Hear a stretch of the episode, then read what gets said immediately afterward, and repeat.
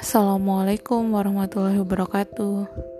Jika nanti ada cerita, akan dibagikan di sini. Selamat mendengarkan.